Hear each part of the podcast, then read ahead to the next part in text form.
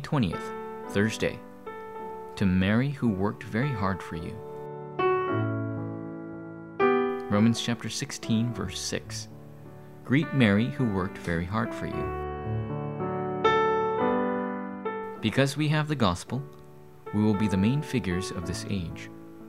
To be the main figures of this age, we must also do well in supporting roles that may take place away from the spotlight.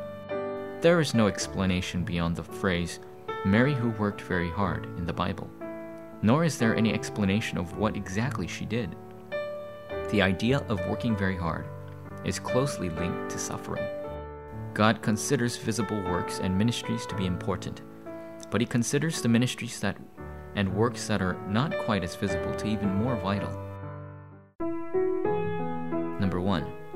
People who worked very hard, sight unseen, in the Old Testament. Who is a person who worked very hard, sight unseen, in the Old Testament? Caleb. Caleb and Joshua both served under Moses. After Moses' death, Joshua rose to prominence as the leader. Joshua was a friend who served under Moses. The prostitute Rahab also devoted herself sight unseen.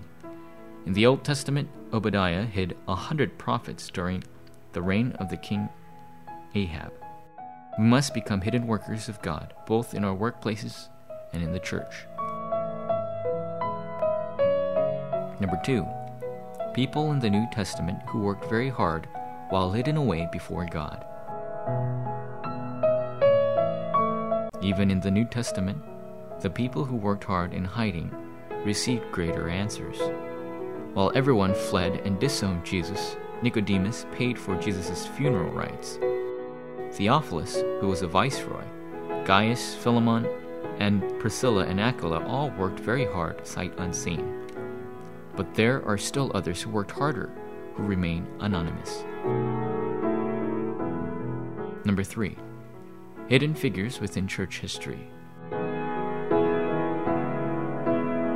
Not everyone who protected and hid Martin Luther when he was sentenced to death is known. Even to this day, the names of those who helped Luther translate the Bible remain anonymous. But these works changed church history forever. The people who assisted John Wesley, George Whitefield, and D.L. Moody could not even dream that they would change church history during the 18th and 19th centuries. But they are very precious people in the eyes of God.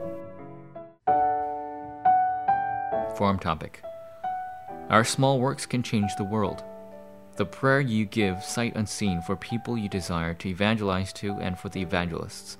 The small works of service for the church and regional church that you do. The small offerings for the RUTC and missions that you give are fertile soil for amazing works. Where are your small works of service and devotion most needed right now? And who needs your hidden prayers? Discover this today.